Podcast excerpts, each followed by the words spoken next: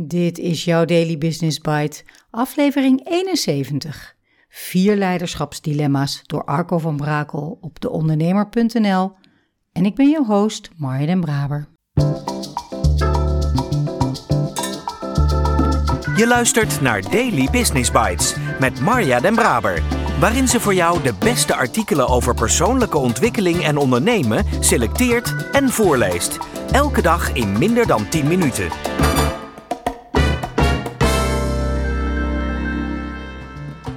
Dit is de podcast waarin ik jouw oren streel met de zachte klanken van de beste artikelen over ondernemen en persoonlijke ontwikkeling die ik maar kan vinden. Met toestemming van de schrijver uiteraard. Laten we starten met het optimaliseren van jouw business. Keuzes, keuzes, keuzes. Of je nu ondernemer bent of gewoon keihard werkt voor je maandelijkse salaris. Jouw keuzes bepalen je succes. Waar steek je je tijd in? Waarin investeer je? In zijn eerste blog kijkt ervaren ondernemer Arco van Brakel naar de vier dilemma's waarmee hij zelf het meest worstelt en ook andere ondernemers vaak tegenaan ziet lopen. Als ondernemer leerde ik me bewust te zijn van vier dagelijks terugkerende dilemma's die mij helpen de kwaliteit en het resultaat van mijn keuzes sterk te verbeteren. Er zijn natuurlijk geen garanties. Want net als iedere topsporter en iedere topverkoper weten ook ondernemers dat je het resultaat van je inspanningen nooit volledig in de hand hebt. Het enige dat je in de hand hebt is wat je doet, wat je zegt en wat je besluit. En hoe goed je daar ook over na hebt gedacht, er kan een concurrent zijn met een beter aanbod. Er kan een externe oorzaak zijn waardoor jouw besluit ineens niet meer actueel is, of je kunt simpelweg pech hebben.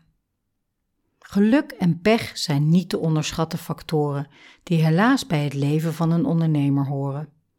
Het leven is een stuk minder maakbaar dan we denken. Toch zijn er drie of eigenlijk vier factoren die je helpen meer in controle te zijn over de kwaliteit van alle beslissingen. En hoe beter je met die beslissingen kunt reageren op de veranderende wereld, hoe wendbaarder en succesvoller je bent. Werk aan je business, niet in je business.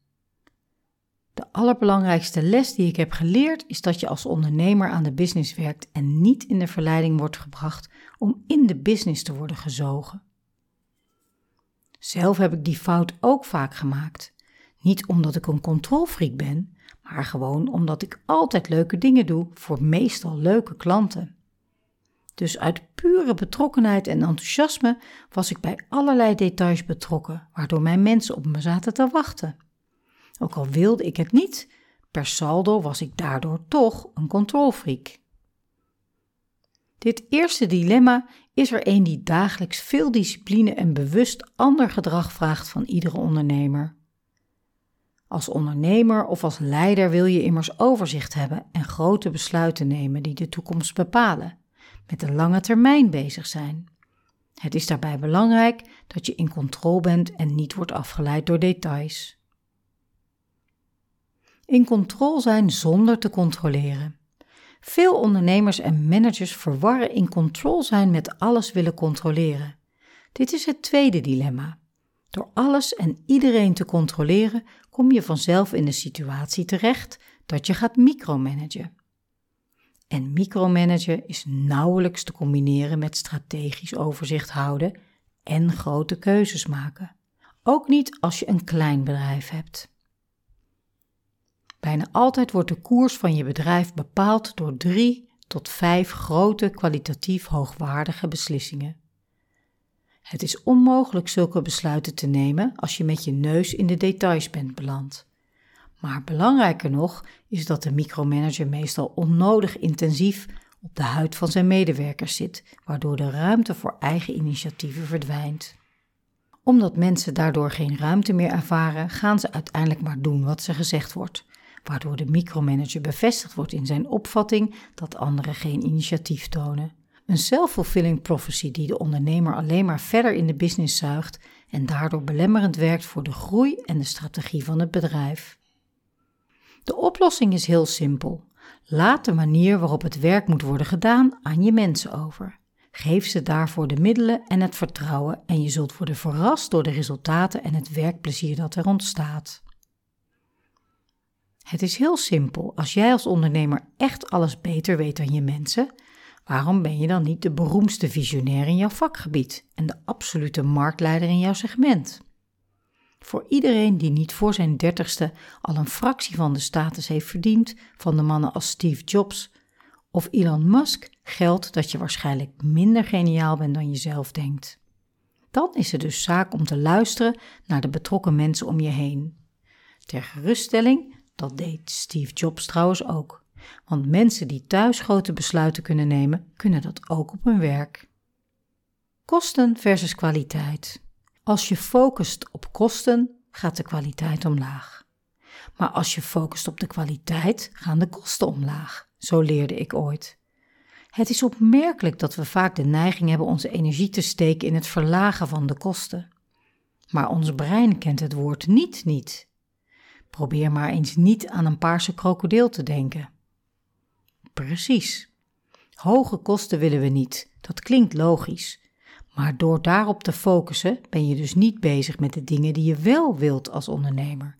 Tevreden klanten, hoogwaardige service, de beste offerte of slimme marketing. Natuurlijk moet je geen geld over de balk smijten, maar een succesvol bedrijf is zelden of nooit beroemd om zijn lage kosten. Wel om fantastische producten of kwalitatief hoogwaardige dienstverlening of een inspirerende cultuur. Dus zelfs in de ernstigste crisis is het belangrijk om juist energie te steken in de sterke punten van je bedrijf, je product of dienst, je klantvriendelijkheid of innovatie. Dat geeft energie, want zowel je medewerkers als je klanten zullen er meer plezier aan beleven. Maar nog veel belangrijker is dat daardoor de kosten omlaag zullen gaan. Want als je focust op kwaliteit, zullen er minder fouten gemaakt worden, gaat er vaker iets in één keer goed en zal de waarde van je producten of diensten omhoog gaan, waardoor de marge groeit en de kosten gewoon niet meer zo'n probleem zijn. Urgent versus belangrijk. De meest vaak voorkomende valkuil die ik dagelijks merk, ook in mijn eigen organisatie, is de neiging om vooral met urgente zaken bezig te zijn. Ik leerde ooit dat time management vier mogelijkheden kent. Allereerst kunnen we heel druk zijn met niet urgente en niet belangrijke dingen. Dat doen kinderen die met hun schepje op het strand water naar de zee dragen. Heerlijk, maar niet voor ondernemers. Er zijn ook mensen die tijd besteden aan urgente, niet belangrijke dingen. Je heel druk maken over iets dat totaal irrelevant is. Niet doen is zonde van de tijd en de energie. En ja, er zijn mensen, zelfs ondernemers, die dat doen. De meeste mensen besteden tijd aan urgente, belangrijke dingen.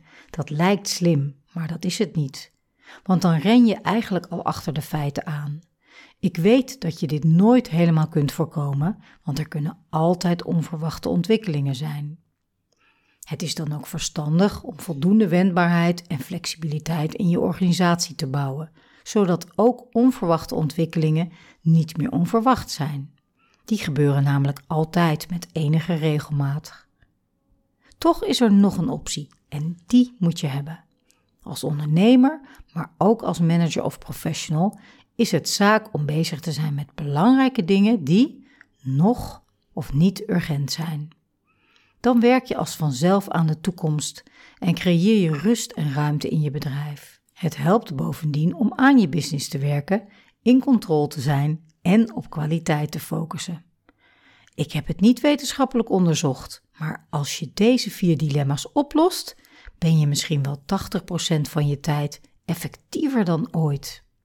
Het maakt je een prettiger leider, het geeft je mensen meer ruimte en werknemers en klanten zullen er gelukkiger door worden. En het leuke is, dit begint bij het enige instrument dat je echt volledig in de hand hebt: jijzelf. Daily Business Bites met Marja Den Braber. Je luisterde naar vier leiderschapsdilemma's voor ondernemers door Arco van Brakel. Ik heb het ook niet wetenschappelijk onderzocht, maar ik denk dat Arco gelijk heeft. Vier dilemma's. Stel dat je aan je business werkt of aan je project. Dat je voelt dat je in controle bent. Je zeker weet dat je kwaliteit levert En dat je je met niet-urgente, maar superbelangrijke zaken bezighoudt. Hoe ziet jouw dag, bedrijf of team er dan uit? Wat zou er dan anders zijn dan nu? Maar ik bedoel echt. Neem even de tijd om je de bovenstaande situatie voor te stellen. Stap levensecht in deze situatie. Kijk ernaar en kijk om je heen. Zie wat je ziet. Hoor wat je hoort. En voel wat je voelt. Dan. Ik wens je een hele fijne dag en tot maandag.